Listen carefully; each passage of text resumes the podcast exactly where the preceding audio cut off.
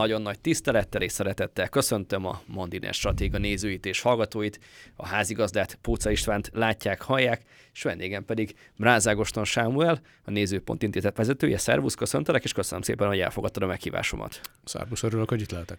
Számos témáról szeretnék veled beszélgetni. Szijjártó Péter Kárpátalján a Financial Times értesülése szerint megvonhatják Magyarországtól az összes uniós forrást, a politikó szerint a szavazati jogunkat is elvehetik, van a svéd NATO csatlakozás körül egy egész izgalmas dúzadó vita és feszültség, meg hát gazdatüntetések, Lengyelország és hasonlók. Remélem, hogy mindre lesz idő.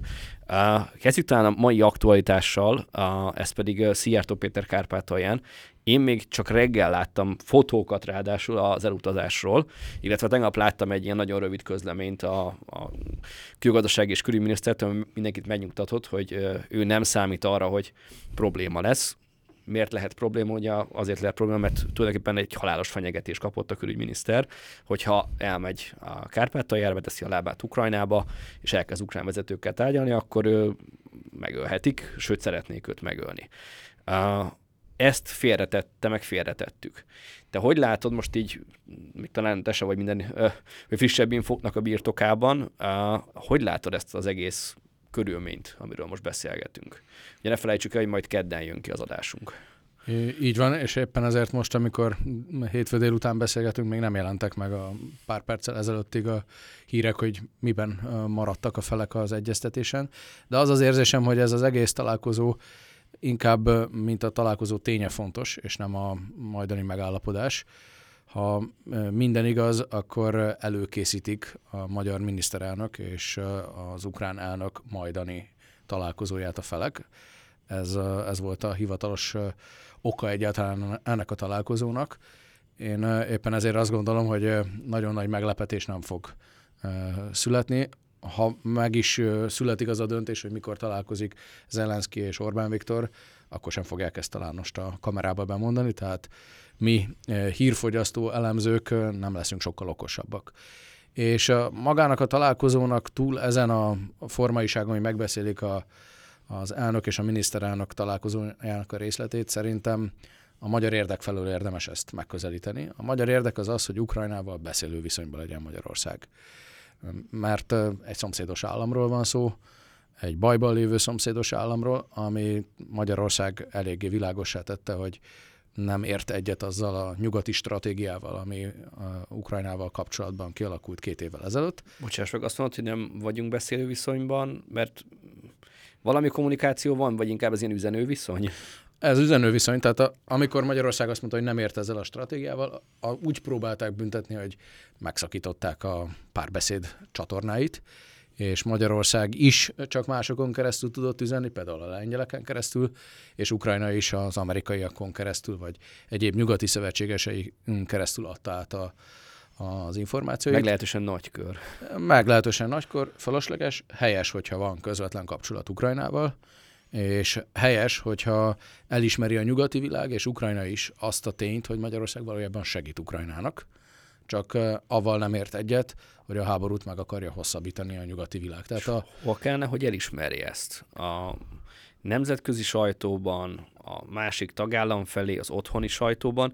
Kérdezem ezt abból a szempontból is, mert néhány nappal ezelőtt a másik a Harcél című műsorunkban ugyanebben a széga Benda Azsevszki Anton arra hívta fel a figyelmet, hogy a, az ukrán-magyar viszony Magyarországnak a megítélése egészen konkrétan az ukrán szavazók körében az már-már ellenséges, már-már ellenségként tekintenek ránk, és ő azt mondta, hogy ebbe nagyon nagy szerepe volt és van az ukrán sajtónak, amely felnagyítja és felerősíti azokat a híreket, amik Magyarország önnek és rájuk nézve negatívak, és gyakorlatilag elhallgatja, hogy lecsavarja azokat, ami mondjuk pozitív. Ugye a nyugati stratégia, értsük el ez alatt az Egyesült Államok stratégiáját, az úgy gondolkodik, hogy vagy-vagy, fekete-fehér. Vagy az amerikai stratégiát követi valaki Európában, vagy az orosz stratégiát követi.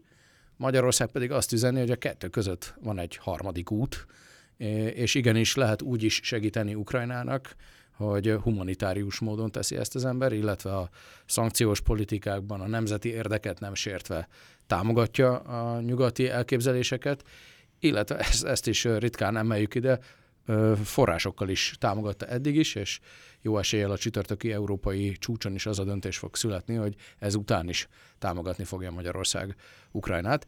Tehát valójában azért támadják Magyarországot, az ukrán sajtóban, a nyugati sajtóban, mert nem akarja elfogadni a nyugati világ, hogy van alternatívája az ő stratégiájának. És ez a harmadik utas stratégia, amiről beszélsz, ez egy magyar stratégia, vagy egy európai stratégia kellene, hogy legyen? Európában sok támogatója van választópolgár ennek a stratégiának, hiszen ki az, aki helyesnek tartja azt, hogy két éve tart ez a háború, a felek nem hajlandóak leülni tárgyalóasztalhoz, se Kína, se Amerika nem hajlandó megszervezni azt, hogy a felek leüljenek, és legalább egy tűzszünetet kössenek, és ki az, aki helyesli azt, hogy a euró milliárdok tűnnek el a hadszintéren, akár korrupció, akár a fegyveres konfliktus természetes költségei okán, és embereknek a soha nem lehet a pontos számot tudni, de egészen biztosan százezerben mérhető halálos áldozata terheli talán három emberöltőre az ukrán és az orosz világ határvidékét. Tehát ki az, aki ezt, ezt helyesnek és jónak tartja? Nincs ilyen. A választópolgárok már nagyon régóta a béke és a tűzszünet pártján állnak, csak hogy ennek igazi politikai képviselete jelenleg nincsen Európában. A magyar ország és a magyar kormány ellenzékben van az Európai Unióban, ha úgy tetszik. Ellenzékben van a hivatalos mainstream állásponttal, ami azt mondja, hogy ugyan támogatja a béke és a tűzszünet kérdését, csak előbb győzön Ukrajna. Viszont az európai stratégia, hogyha már szóba hoztuk, most mintha úgy néz neki, meg úgy működne, most ugye a felvezetőben említettem a Financial Times-nak az értesülését, hogy végleg megvonhatnák az uniós forrás Magyarországtól, vagy megvonnák az uniós forrás Magyarországtól, hogyha Magyarország vétózna, itt ugye a hír az arról szólt, ezt Mandineri szemlézte, hogy a tagországokat próbálják meg rávenni, a tagországok egy része mozgolódik, hogy ha Magyarország nem úgy voksol, a februári EU-s csúcson, ahogy ők szeretnék, akkor gyakorlatilag ők közösen kinyilvánítják azt, hogy elzárják a pénzcsapokat, és ö, ilyen módon gazdaságilag egy nehéz, szerintük lehetetlen helyzetbe sodornak benne Magyarországot, gyengítve a forintot és hasonlókat. Kérdésem egyik része az, hogy ez mennyire egy európai együttműködés, a másik része az, hogy ez mennyire európai érdek, harmadrészt meg, hogy mennyire európai érdek, amit ők amúgy javasolnak. Kezdjük azzal, hogy a forintot már gyengítették. Tehát ezzel a nyomással, amit Magyarországra felé kifejtenek, ezzel 10 forinttal az euró viszonylatában ugye gyengült a, a magyar valutának az értéke. Tehát akkor ez működik? Hát erre azt mondja a magyar kormány, hogy nincsen árfolyam célja.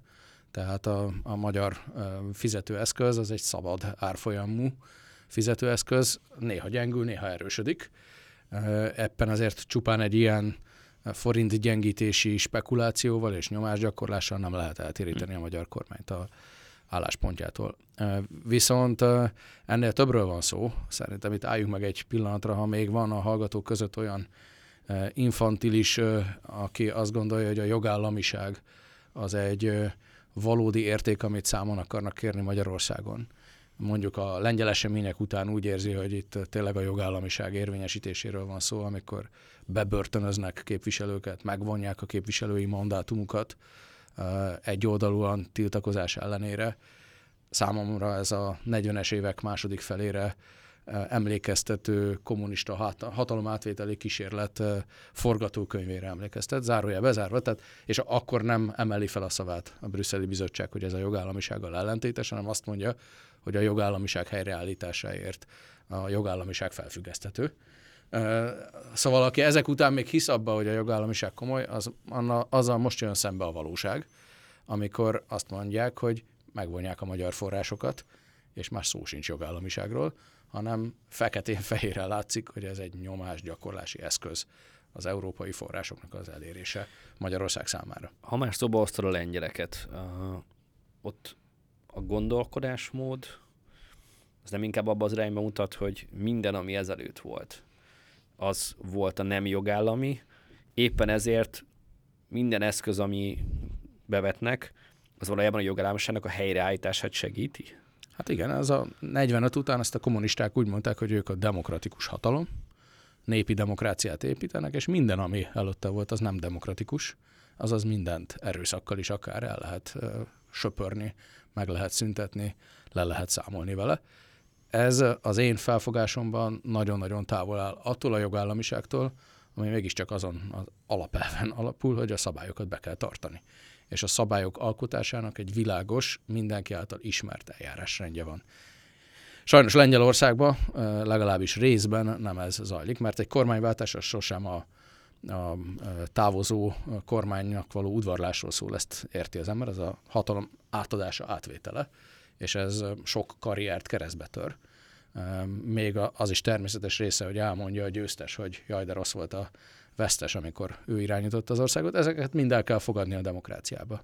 De amit itt példaként hoztam, szerintem az egy égbe kiáltó, a no-go a demokratikus jogállami politikának, hogy börtönbe zárnak képviselőket, akiknek korábban kegyelmet adott az elnök. És Brüsszelnek meg kell szólalni ebben a helyzetben? Mert hát, ugye nem mond, azt, azt nem mondták, hogy ez rendben van. Nem mondták, de a hallgatás beleegyezés, ezt a magyar mondás elég jól kifejti, és tudjuk jól, hogy Magyarországon a a Országos Bírósági Tanács irodáinak négyzetmétereit is jogállamisági kulcskérdésé nyilvánították. Ezek után mondjuk az, hogy a ellenzéki képviselőket bebörtönzik és megfosztják a mandátumoktól, talán egy kicsit húsba vágóbb kérdés. Akkor egyfajta szelektivitás látsz itt a... Talán így is fogalmazhatunk, feltűnően. De lehet, hogy nincs elég kapacitásuk, ezért több bizottsági alkalmazottra lenne szükség, meg több hatáskörre, nem a... lehet, lehet, hogy csupán erről van szó. Gondolom ez, ez lenne a válasz, hogyha feltennénk ezt a kérdést esetleg a bizottság tisztségviselőinek, hogy nincsenek elegen, Attól félek, hogy látják ők ezt jól, és Aha. az általam olvasott nyilatkozatok az arról, inkább arról szólnak, hogy Lengyelországban eddig nem volt jogállamiság, és hát igen, nagyon nehéz helyreállítani a jogállamiságot. Szurkolnak, hogy gyorsan lezáruljon ez a nehéz időszak. Vissza a, a magyar valóságra, itt már megszűnt a Financial Times, amit egyébként a európai folyosókon az Európai Bizottság üzenőfüzetének hmm. szoktak hívni, tehát ami oda le van írva értesülésként. A politikoknak az amerikaiakének, nem? Hát a, a, is is, tehát a, a politika az egy érdekes dolog. A politikó egy német kiadó uh-huh. tulajdonában van, de a német kiadóba amerikaiak bevásárolták magukat. Tehát, ha tetszik, a amerikai-német együttműködésnek a média platformja. A, a Financial Times az meg nyíltan uh, angol száz tulajdon, és a Financial Times-ba, ha megjelenik egy ilyen cikk, akkor az, az a műfaj, hogy a bizottság üzeni, de nem veszi a saját nevére ezeket az üzeneteket. És mondom még egyszer, az egészen szembe ötlő, melbe vágó ebben, hogy már nem is beszélnek jogállamiságról. Tehát itt már hm. nyíltan zsarolásról és nyomásgyakorlásról van szó, hogy hogyan kell szavaznia Magyarországnak, különben megbüntetik, és majd kitalálnak hozzá valami érvet. Külgazdasági és külügyminisztériumnak volt egy reakciója még hétvégén talán. Az viszont a Spiegelnek az értesülése, hogy ugye azt mondták, hogy ők tudják azt, hogy Magyarország már eldöntötte, hogy teljes melszélességgel támogatja, és az volt a, a, a válasz, vagy a reakció, hogy érzik a nyomásgyakorlást, de hogy, hogy nem ülnek fel. Akkor az, is, ez a, az a sajtóértesülés is valahonnan egy üzenet volt? Igen, hát a, erre a, a 40-es években azt mondták, hogy jó rendőr, rossz rendőr, vagy jó ávos, rossz ávos, tehát van a az a hír, hogy már megállapodtak, a másik pedig, hogy az nem állapodik. É, az a jó Igen. hír, így kell viselkedni, és a, a, a rossz rendőr pedig az, aki... Ha nem állapodtok a, meg. Akkor előveszi a gumibotot, de e, elnézést azért a brutális e, képért, mégiscsak valami ilyesmiről van szó, és Ilyenkor gondol bele az ember abba, hogy milyen nehéz is nemzeti érdeket érvényesíteni egy 10 milliós országnak a 440 milliós Európai Unióban, ami mögött ott áll az Egyesült Államok teljes politikai fegyverzetével és támogatásával, tehát bizony kőkemény kihívás az, hogy a magyar kormány a nemzeti érdekeket érvényesíteni tudja. Az Unió mögött áll az Egyesült Államok, vagy a saját érdekei mögött áll, és kényszeríti rá akár hát az EU többi országára? Az Európai Unió az egy amerikai projekt. Kezdettől? Kezdettől fogva. Tehát, de ez, ez nem bűn. Az Egyesült Államok másodjára is, ugye, hogyha 20. századba vissza tekintünk, másodjára is megérkezett az európai kontinensen rendet rakni, első és a második világháború után.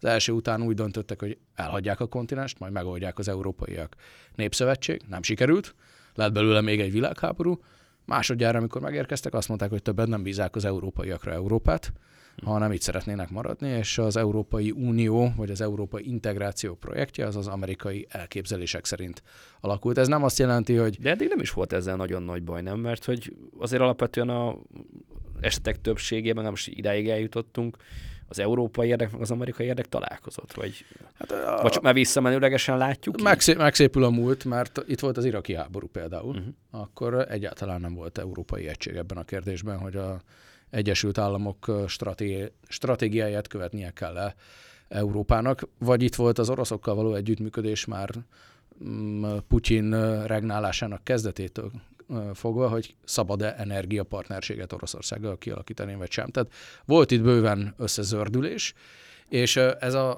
amerikai projektként felfogott Európai Unió nem azt jelenti, hogy az Európai Unió bizonyos kérdésekben nem lehet más állásponton, mint Amerika. Ez egy stratégiai egység, amit szokás ugye Euró-Atlanti egységnek is nevezni. Tehát ez most, amit próbálok körbeírni, ez nem azt jelenti, hogy amerikai gyarmat az Európai Unió, de mégis, aki nem látja, hogy az Európai Unió megalakulása óta egy amerikai elképzelés, egy amerikai projekt, az amerikai geopolitikai érdekek szerint alakuló projekt, az, az félszemére vak. Ha kivennénk a képletből az amerikaiakat, akkor nem lenne EU, vagy nem így lenne az EU? Pff, igen, ugye ez a mi lett volna, ha kérdés, ezt vagy, vagy valaki nagyon, nagyon ért hozzá, vagy szerényen bevallja, hogy nem. De az kijelenthető, hogy a Egyesült Államok a második világháború után, amikor úgy döntött stratégiailag, hogy feltartóztatja a szovjeteknek a terjeszkedését Európában, Truman doktrina, ugye így szokás emlegetni a történelemben, akkor találta azt ki, hogy katonai és gazdasági integrációt hoz létre a, a térségben, és akkor indult el a Montán Unió szén és acélközösség, meg egy kis görbeút után a NATO is, kezdetben az is egy európai biztonsági szervezet lett volna, tehát az az amerikai Egyesült Államok elképzelései szerint zajlott. Ebből kiindulva, amit az ember olvas az Európai Unióról, meg hall az egyetemen, akkor az nem feltétlenül a az már egy ilyen kiszínezett valóság? Hát vagy a, ezért van a Mandinernek a stratéga podcastja, hogy meghallja a teljes igazságot. A, a szovjeteknek is volt egyébként elképzelése, ők azt gondolták a második világháború után, hogy látszatsemlegességet kell a Európának felvállalnia, mert az, a szovjetek úgy gondolkodtak, hogyha ha semleges Európa katonapolitikai, akkor nem amerikai.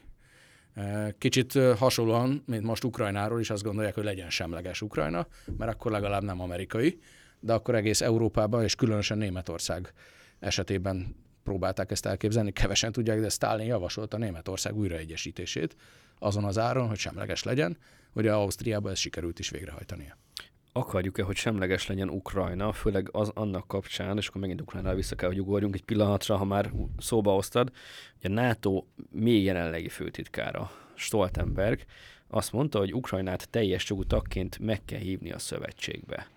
Na most ez egy futóhír volt, de nekem elakadt a szemem rajta, mert hogy ennyire nyilvánvalóan kifejezni egy nato álláspontot egy ennyire kiérezett helyzetben, eddig talán, tehát voltak az ezzel kapcsolatban utalások, de az a NATO fő, én nem emlékszem legalábbis, nem tudom, te emlékszel hogy, hogy ennyire nyilvánvalóan kimondta volna. Sőt, Vagy már neki már cáfolatok mind... voltak erre vonatkozóan, hogy egyelőre nem időszerű. És akkor most ő távozóban még így már megteheti, hogy hát bemondja ez neked? Egy kicsit rossz indulatú értelmezés lenne, hogy a karriernek nem árt, hogyha ilyen fontos mondatokat elmond az ember.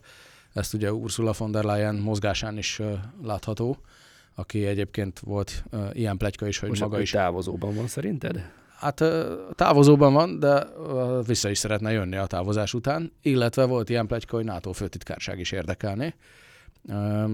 Mégiscsak volt honvédelmi minisztere Németországnak. Sikeres honvédelmi minisztere. Í- így emlékezik rá kizárólag Ursula von der Leyen. Így van. szóval egy szó mint száz, ez egy új, új fordulat, de szerintem ma a NATO jövőjével kapcsolatban bármilyen kijelentést tenni, az a komolytalanság kategóriájába tartozik. 2024 kulcs eseménye az amerikai elnökválasztás. Ha elfogadjuk azt a tézist, amit mondtam, hogy az Európai Unió is, és könnyen beláthatóan a NATO is egy amerikai projekt, akkor az a kulcskérdés, hogy Amerika hogyan gondolkodik ezen projektek jövőjéről. Ha Donald Trump nyeri meg a választást, az a NATO jövője szempontjából egy hatalmas fordulatot rejteget magába.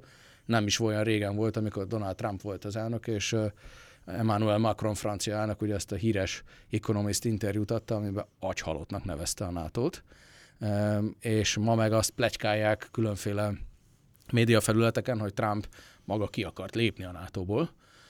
Az Európai Unió esetében pedig, ha Donald Trump lenne az elnök, akkor könnyen meg lehet, hogy annak az amerikai projekt jellege gyengülne, mert a Donald Trump külpolitikai stratégiája alapvetően arról szól, hogy ő Amerikával akar foglalkozni, és nem, nem erőltetni az amerikai befolyáson nagy világban. És, és nem gondolod, hogy most máshogyan lépne föl? Hát, Mert ugye egy teljesen más helyzet van, nyilván a Biden adminisztráció által teremtett helyzet van, de hogy ebből nem tud olyan könnyen Ukrajna esetében is egy gyors hátraarcot tenni, meg az Európai esetében is, hiszen ugye Európában is olyan kritikák érték az ő elnökségét, meg az ő személyét az elmúlt időszakban.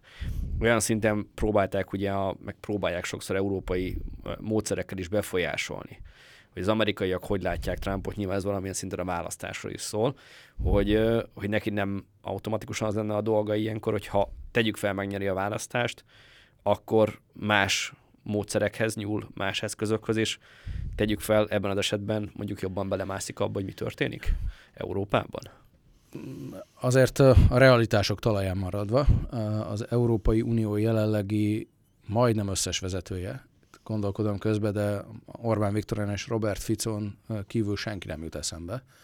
Az, tehát az összes rajtuk kívüli vezetője, akár tagállami vezető, akár az uniós intézmények vezetője, Donald Trump kritikus, és akkor uh-huh. finoman fogalmazta meg a dolgot.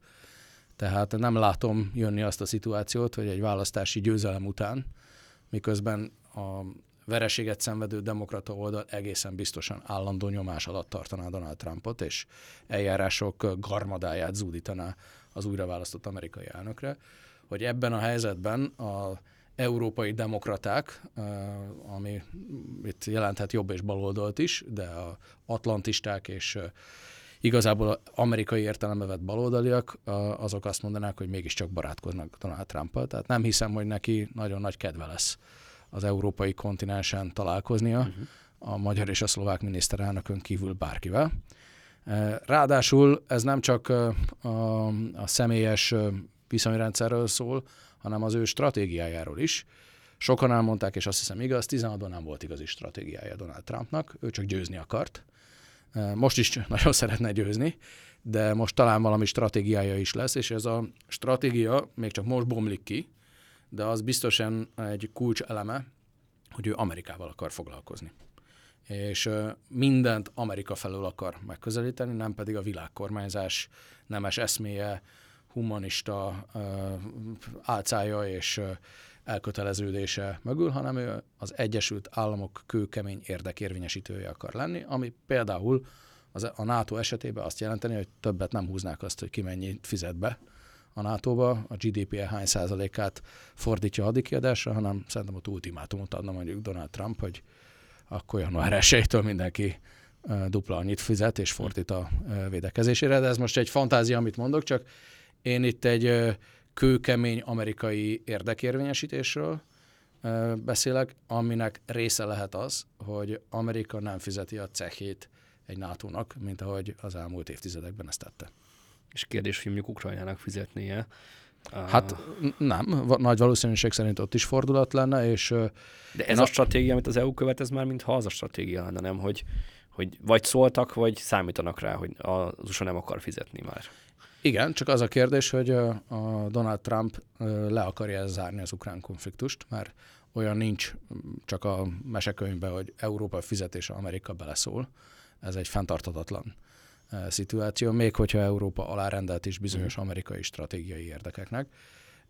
Én arra számítok, de természetesen ez a, megint a fantázia kategóriájába tartozik, még nagyon hosszú lesz ez a 24-es év, november 5-ig és azután is. De ha Donald Trump az elnök, én arra számítanék, hogy ő ezt egy történelem könyvekbe kívánkozó céljának tartaná, hogy az ukrán-orosz konfliktust lezárja. Mint az Ábrahám egyezmények? Mint az Ábrahám egyezmények, mint a Balkánon is próbált ő az elnöksége De végén. azt szerinted is túlzás nem, hogy 24 óra alatt. Hát persze, nincsen. 24 Retorikai óra, hát fogás. Most mondhatná azt is, hogy 113 nap alatt, de az nem hangzik olyan jó. Tehát Igen, ez kevésbé ez, konkrét. Ez valójában azt, azt jelzi szerintem, hogy prioritásnak fogja tekinteni, hmm. hogy lezárja, és a lezárás az egészen biztosan mindenfélnek fájni fog. Tehát nincs olyan lezárása egy konfliktusnak, hogy az egyiknek fáj, a másiknak nem de szerintem az elnöki tekintélyét be fogja vetni annak érdekében, hogy, hogy ne az ukrán konfliktusról szóljon a, a jövő. És az elnöki tekintélyét bevetni a NATO bővítése érdekében, hogy pillanatra már a NATO bővítési legyába kacsincsunk? Szerintem ez is, ez aztán a eddigieknél is messzebb vezet. Jelenleg azt akartam itt előbb kifejteni, jelenleg aki a NATO hosszú távú jövőjéről beszél, az nem mond igazat, mert az amerikai elnökválasztás végeredményének ismerete nélkül nem lehet tervezni a NATO-nak jövőt. Rövid az távú jövőt lehet? Hát rövid távút lehet. Az majd egy izgalmas kérdés lesz ősszel, hogyha jól emlékszem, október 1-én tervez távozni Stoltenberg, és szabad-e NATO főtitkárt választani egy hónappal, vagy két hónappal az amerikai elnök választás előtt, vagy sem. Hát valószínűleg a demokraták azt fogják mondani, hogy igen. Igen, csak... Mert bármi történik, biztos, ami biztos, csak azért, ha a sakjátszmába gondolkodunk, megválasztanak egy nekik szimpatikus új NATO főtitkárt, jön egy Donald Trump amerikai elnök, aki erre hivatkozva azt mondja, hogy akkor ő ebből a NATO-ból nem kér semmit, akkor vajon szolgálták-e az általuk oly fontosnak tartott euróatlanti érdekeket, vagy sem. Tehát hm. a józanész, meg a politikai taktikázás itt egymással szembe mehet. A józanész azt mondatná, hogy az amerikai belpolitika döntése előtt nem igazán szerencsés NATO főtitkárt, és ezáltal NATO jövőt választani. És Trump van annyira, most ki hogy akarja ezt hallani, jó vagy rossz értelemben, de őrült, hogy megcsinál egy ilyet. Szerintem a, ennél őrültebb dolgokat is tett, és mm. ő, ami talán a, az ő népszerűségének az egyik fő oka a hipermagabiztos fellépésén túl, az az, hogy mindenki érzi, hogy zsákutcában van az Egyesült Államok, és ilyenkor egy olyan ember, aki azt mondja, hogy mindent másképpen fogok csinálni, nem csak ez a csiszolgatunk, hanem újjáépítünk, uh-huh. az ilyen hozzáállás, annak van egy magával ragadó ereje, és ez az, ami a mérsékelt középosztályát is Amerikának egyre inkább Donald Trump irányába tolja. Mindazonáltal itt most kész tényként veszük, legalábbis úgy tűnik, hogy megválasztják Donald Trumpot. Én ezt nem gondolom automatizmusnak, én azt gondolom, hogy egy nagyon kemény kampány következik, és bizonyos értelemben... De azt mondhatjuk, bocsánat, hogy ez a kampány valószínűleg Biden és Trump között fog zajlani. Ez most a legvalószínűbb forgatókönyv, ezt így szokták elemzői nyelven mhm. mondani. Viszont, De akkor még ezt sem lehet kijelenteni. Kijelenteni kár lenne ilyet. Én azt gondolom, hogy ez, ez a legvalószínűbb. Uh-huh. Tehát erre lehet építeni valóban a jövőt. Ám de az az értelmezés, ami már a magyar sajtóban is megjelent, talán pont a Mandineren, hogy Biden amúgy érdekelt lehet abba, hogy Donald Trump legyen az ellenfele. Ahogy a félidős választásoknál is láttuk, hogy Soros György finanszírozta a republikánus előválasztások során a trumpista jelölteket, mert tudta, hogy velük szemben sokkal sikeresebb mozgósító kampányt tud a saját potenciális táborában folytatni. Ezt az értelmezést én nem zárnám ki, tehát hmm. egyáltalán nem biztos, csak azt akarom mondani, hogy automatikus Donald Trumpnak a, a győzelme. És visszatérve az ukrán-NATO történethez, én abban biztos vagyok, ha itt tűzszünet létrejön, a tűzszünetet valakinek garantálnia kell. Tehát egy háború az nem úgy szokott véget érni, hogy na jó, egyezünk ki egy döntetlenbe, és akkor innentől kezdve nem lövünk a másikra. 99%-os biztonsággal állítható, hogy Ukrajna a nyugati érdekszférában fog maradni. A kérdés ugye az, amiről hangosan megy a gondolkodás, hogy ez milyen ukrán területekre vonatkozik. A teljes Ukrajnára, Ukrajnának engedni kell a, az elfoglalt területekből, vagy Ukrajnának azt kell mondani, hogy azokat elfoglalt területeknek tartja, ahogy az NSK tekintett az NDK-ra a hidegháború alatt. Ez majd... Pár évtizedig mégis működött. Működött, és aztán lett belőle német egység, Igen. tehát nincsen persze kétszer nem lehet ugyanabba a folyóba lépni, csak ezekből a analógiákból lehet tanulni, és azt, abban biztos vagyok, hogy valamilyen nyugati garancia a tűzszünet fenntartására kell. Ez lehet ENSZ békefenntartó, lehet a Európai Unió, lehet NATO, abba is elég biztos vagyok, hogy az oroszok abban nem fognak belemenni egy tűzszüneti tárgyalásnál, hogy teljes jogú NATO tag legyen Ukrajna. Hm. Ha már NATO tagság, akkor egy kikacsintás erejéig ezt a svéd NATO tagságot érintsük már, mert ez egy kommunikációs káosz, amit kezd kibontakozni.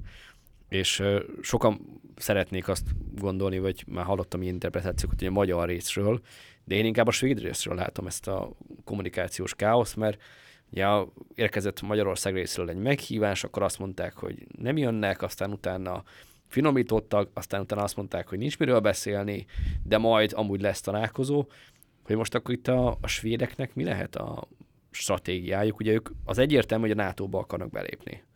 Talán ez, ez, ez a világos. A törökökkel meg tudtak állapodni elég könnyen, és elég, hogy is mondjam, nyilvánosan, mik voltak az elvárások. Itt most ők mit akarhatnak elérni? Be akarnak lépni a NATO-ba a lehető legolcsóbban. Tehát nem kívántak nagyon sokáig Magyarország irányában még szimbolikus gesztust sem tenni. Azt gondolták, Várunk hogy... valamit? Mi magyarok? Uh-huh. Hát szerintem nyílt lapokkal játszik a miniszterelnök, azt várja, hogy a svéd miniszterelnök jöjjön el, és kérje meg, hogy Magyarország, mint leendő szövetségese, támogassa a felvételét, ami azért nem túl sok. Tehát a hát F-35-ösök a törökök, igen. igen. De a magyar pozíció az teljesen más. A törökök, nem megbántva őket, de hát egy kereskedő nemzetről van szó, aki próbált már színes szőnyeget vásárolni Isztambulba, azt tudja, hogy ott sértés, hogyha az ember rögtön elfogadja az ajánlatot, tehát ott az alkú az kötelező. Mi egy kicsit... Itt is betartották ezt. is betartották. Mi egy kicsit más kultúrkörben mozgunk.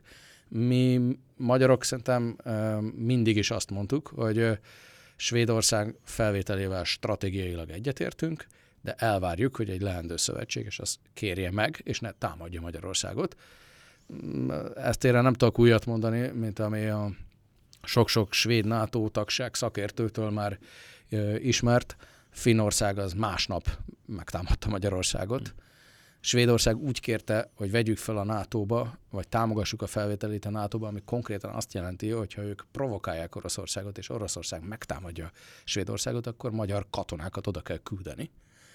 Mindezt a apróságot úgy kérte Magyarországtól, hogy a fél évig, amíg az Európai Unió soros elnöke volt Svédország, folyamatos támadás alatt tartotta az úgynevezett jogállamisága hazánkat. Tehát, nem egy pozitívat mondjunk, hogy akkor egyenesek. Tehát, hogy e, igen, de, nem, nem ígérik az ellentétét. De a gesztusok nyelvén nem szólhattak meg. Tehát már pedig a, aki, Ez nem pozitív. Aki kér valamit, az szokott adni is valamit. Nem a török típusú de alkudozásokon. Mert hogy most ők én ezt láttam a kommunikációból, hogy, ezt... hogy, hogy, hogy Magyarországnak ne legyen véleménye ebben a kérdésben, mert hogy ez már egy lefutott meccs, és így hogy csak szavazzon. Így van, ők úgy gondolták, hogy ezt Amerikába eldöntötték, a többieknek végre kell hajtani. Sok esetben ez így is működött.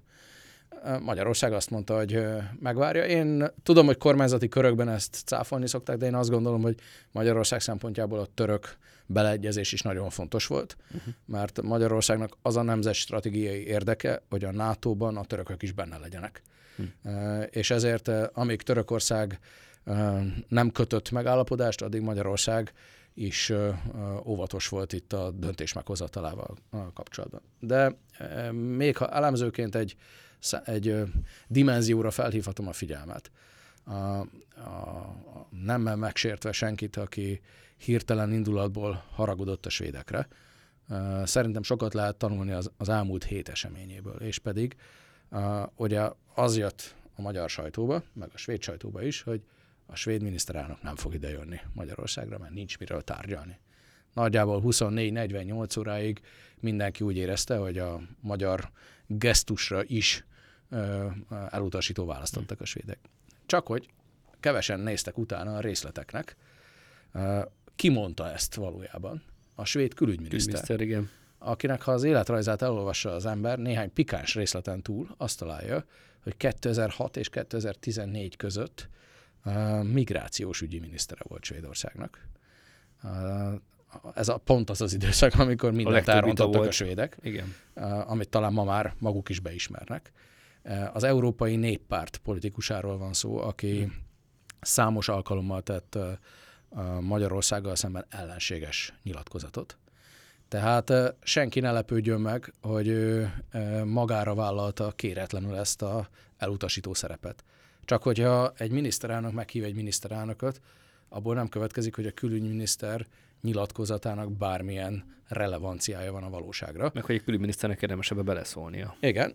Ugye a magyar kormány nem is reagált a külügyminiszter, a svéd külügyminiszternek a, furcsa, kulturálisan furcsa fellépésére, hanem megvárta, amíg a svéd miniszterelnök adott talán 48 óra elmúltával egy választ, aki ugye azt mondta, ami a legészszerűbb a svéd szempontból, hogy igenis eljön Magyarországra, keressük meg a megfelelő időpontot. Nem azért jön el, mert szeret minket, hanem belátta azt a nagyon egyszerű ö, stratégiai helyzetet, hogyha egy ilyen kinyújtott kart ö, elcsap hm. ö, Svédország, amit a magyar miniszterelnök küldött, hogy zárjuk le a vitát, gyere el, egyeztessünk, hogyan lehet ugye a És ráadásul elmondta, hogy ő támogatja, és arra kéri a parlamentet, hogy... hogy így van. Ez, ezek után, ha a svéd miniszterelnök azt mondta volna, hogy ő, ő nem jön el Magyarországra, akkor azt hiszem Magyarország megnyerte volna ezt a meccset abban az értelemben, hogy miért is támogassa a svéd felvételt. Volt egy félmondatod, ez pedig arra vonatkozott, hogy azért is fontos mérlegelni egy ilyen helyzetet, mert ha mondjuk Svédország berántja saját magát NATO tagként Oroszországgal egy konfliktusba, akkor berántja a nato is egy konfliktusba. Na most a kérdésem az arra vonatkozna, hogy itt a németek részéről volt az elmúlt időszakban nagyon sok olyan megszólalás, megutalás, hogy bizony-bizony itt arra kell felkészülni, és ők arra számítanak, hogy Oroszország és a NATO között, nyilván orosz indítatásból, de egy konfliktus időzítve van, és hogy bármikor kitörhet. Ezt te most már Németország szakértőjeként hova helyeznéd a, ez valami kommunikációs fordulat volt, vagy, vagy ezt tényleg komolyan gondolják, hogy tényleg komoly alapja van ezeknek? Hát, um, ehhez a német belpolitikára kell egy pillantást vetnünk, ahol hatalmas vita zajlik arról, hogy a költségvetési megszorításokat kell végrehajtani, de Ukrajnát támogatni kell. Um, iszonyatos összegekkel támogatja Németország a Ukrajna felfegyverzését. Éppen Olaf Scholz megmakacsolt. A legnagyobb európai a legnagyobb, támogató. Messze a legnagyobb.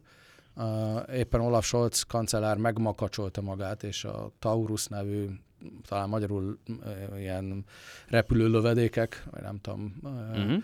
hogy lehet jól lefordítani, szuperszónikus technológiáját nem akarja átadni. De a két koalíciós partnere ezen, a zöldek és a szabaddemokraták éppen megsértődtek, hogy ez milyen, milyen uh, kevéssé szolidáris magatartás Ukrajnával kapcsolatban. Erre felszólította Scholz az európai partnereit, hogy ők is jobban támogathatnák Ukrajnát. Tehát zajlik ez a vita, és ebben a vitában Németország, Amerika nagyon szoros szövetségeseként hm. hajlandó támogatni Ukrajnát fegyverekkel és pénzzel. Viszont kell valami le, valamilyen legitimáló érv, hogy ezt miért teszi, miközben a gazdaságban bajban van, és megszorító intézkedéseket hajtanak végre a Németországon és belül. akkor a gazdatüntetéseket is te ehhez a kategóriához sorolnád? Az a megszorításoknak a része, de azért alakult ki a gazdatüntetés, mert ugye röviden az Alkotmánybíróság megsemmisítette azt, hogy a klímavédelmi alap pot átalak, vagy a, a Covid ami, elleni ami alapot amúgy hitelből volt. Igen. Klímavédelmi alapá, és az abból kifizetett összegeket stornozta. Hm azaz most mélyebben a zsemébe kell nyúlnia Németországnak, de nem adósodhat el, mert van egy adóságfék a német alkotmányban, azaz átcsoportosításokat tud végrehajtani, és azt mondták, hogy a agrárgazdák kedvezményét átcsoportosítják az egyéb kiadásokra. Erre az agrárgazdák azt mondták, hogy ez nem jó ötlet. Szóval van egy megszorítás Németországban, és mégis az ukránoknak a, a nagyon kiemelt támogatása. Ez kell valamilyen érv, hogy miért cselekszik így Németország, és a, ez a háborús retorika, ami egyébként mondjuk meg őszintén nem nagyon áll jól a németeknek. Sose ők, ők ugye most már nem azt mondják, hogy ők támadnak, hanem hogy őket fogják megtámadni. Szóval ez a háborús retorika, az orosz fenyegetés, az egy legitimáló érv arra, hogy a megszorítások ellenére Ukrajna támogatása fenntartható legyen politikailag. Most Németországra, hogyha az ember ránéz, akkor nem látja feltétlenül, hogy politikailag merre fog tartani ez a történet. És ugye mennek a gazdatüntetések, de És még mindig folynak, ugye volt vasútasztrájk, meg talán még tart is majd, meg hasonlók, de hogy, hogy ezeknek mintha nem lenne egy egyértelmű politikai iránya. Tehát nem, nem lehet, én legalábbis ezt látom, hogy nem lehetne megmondani, hogy ebből ki profitál. Ez csak egy ilyen gőzleeresztés, hogy elégedetlenek vagyunk, és akkor elmegyünk az utcára, de hogy valójában minden folyik úgy, ahogy folyt eddig. Én azt gondolom, hogy nem lesz az AFD hatalmi pozícióban Németországban a belátható jövőben. És erre bárkinek stratégiát építeni, hogy ez, ez így lenne, az egy tévedés. Az nem ismeri Németországot. Ahol a történelmi múlt terhe az a mindennapos cselekvésnek a része. Hm és az AFD-t azt egy náci pártnak tartják. A... Te annak tartod? Én nem tartom náci pártnak, hanem azt tartom, hogy vannak náci politikusai. Uh-huh. Az AFD az egy protestpárt, ami a német vezetés alapvetően Angela Merkelnek számos érthetetlen döntése elleni tiltakozásként fogalmazódott meg. Utólag kiderült, hogy részben az euró kapcsán igaza volt Merkelnek, a migráció kapcsán nem volt igaza Merkelnek, de képtelen volt elmagyarázni a döntéseit, és képtelen volt hozzá társadalmi bizalmat építeni. Ha ez erre képes lett volna, akkor nincs AFD. Viszont a, a matematika az egy makacs dolog a politikában is, és az AFD-nek a támogatását, ha megnézzük, akkor még a kelet-német tartományokban is, ahol választás lesz, 31 és 35 százalékra mérik az AFD-t. Most ugye három tartományról, Szászország, Brandenburg és, és Türingia. Türingia, igen. Brandenburgban nem lesz veszélyes az AFD. Szeptember 1-én van Szászországban és Türingiában választás, és ott gondolják sokan azt, hogy másnap az AFD, AFD kormányra kerül, de megint az lesz, mint Megnyerik, amit lengyeleknél, meg a spanyoloknál, meg a Hollandiában láttunk, hogy a, a, az első hely az nem győzelem feltétlenül, vagy nem kormány alakítási jog, koalíciót kell szervezni. És a matematika nyelvén egy 31%-on áll az AFD Türingiába, és 35%-on Szászországba. Ha a küszöbb szabály miatt ennek a fel is szorozzuk a kieső szavazatok arányával, akkor is 40-45% közé kerül, azaz szervezhető vele szemben egy szivárvány koalíció, és én szinte biztosra veszem, hogy ezt a szivárvány koalíciót meg is fogják szervezni. A szélső ballal is? A szélső ballal is. Ez a napokban egy újdonság a német nyilvánosságban, hogy a CDU-nak egy türingiai politikusa javasolta, hogy azt a párthatározatot, ami megtiltja a szélső ballal való koalíciókötést, ezt gondolják újra. És ha ezt egy türingiai politikus kezdeményezi, akkor valószínűleg nem véletlenül teszi. Országos szinte 23%-on áll az És ott, ott még inkább igaz ez a matematika, amit kifejtettem. A német politika az ugye az állandóan az ellenfelemmel is koalíció kötési képességem fenntartására elvére épül. Egyik párt a szövetségi szinten az ellenfelem, de egy másik tartományban a koalíciós partnerem. És éppen ezért bármelyik párt a másikkal képes koalíciót kötni, az előbb jelzett fordulatokán még a D-linkét is, ha megmarad egyáltalán ez a baloldali párt, vagy a most létrejövő baloldali populista Sarah Wagenknecht bevégungot, tehát mozgalmat is, vagy Bündnis, bocsánat, szövetséget is ide lehet sorolni. AFD ellenes koalíciót fognak létrehozni, és az AFD 24-ben, 25-ben én szinte biztosra veszem, hogy nem kerül kormányzati pozícióba, és akkor még a egyéb lépésekről nem is beszéltem, a protest hangulatot más protestpártok felfuttatásával próbálják fragmentálni, szétosztani több pártra, és erős állítás, de azért egy párt, aminek a több tartományi szervezetét az alkotmányvédelem megfigyelés alatt tartja, az nem biztos, hogy csak figyel, lehet, hogy cselekszik is. Az ilyen fajta szolgálatok például a bomlasztás stratégiájával tudnak cselekedni, hogyha valakit a, államellenesnek minősítenek, már pedig az AFD például a türingiai szervezetét államellenesnek minősítette az alkotmányvédelem, tehát itt, hm. ha úgy tetszik, fel van hatalmazva, hogy fellépjen ellene tanulságos megállapítás legyen, akkor ez most a végszó, és akkor én bízom benne, hogy folytatni fogjuk. Lesz még bőven témánk, Mrázágoston Sámuel, köszönöm szépen a beszélgetést. Örültem. És köszönöm szépen a Mandiner nézőinek és hallgatóinak, hogy követtek, hallgattak bennünket. Ez volt a stratéga. Kövessenek, hallgassanak bennünket továbbra is a házigazdát. Púca Istvánt látták, hallották, viszont látásra, viszont hallásra.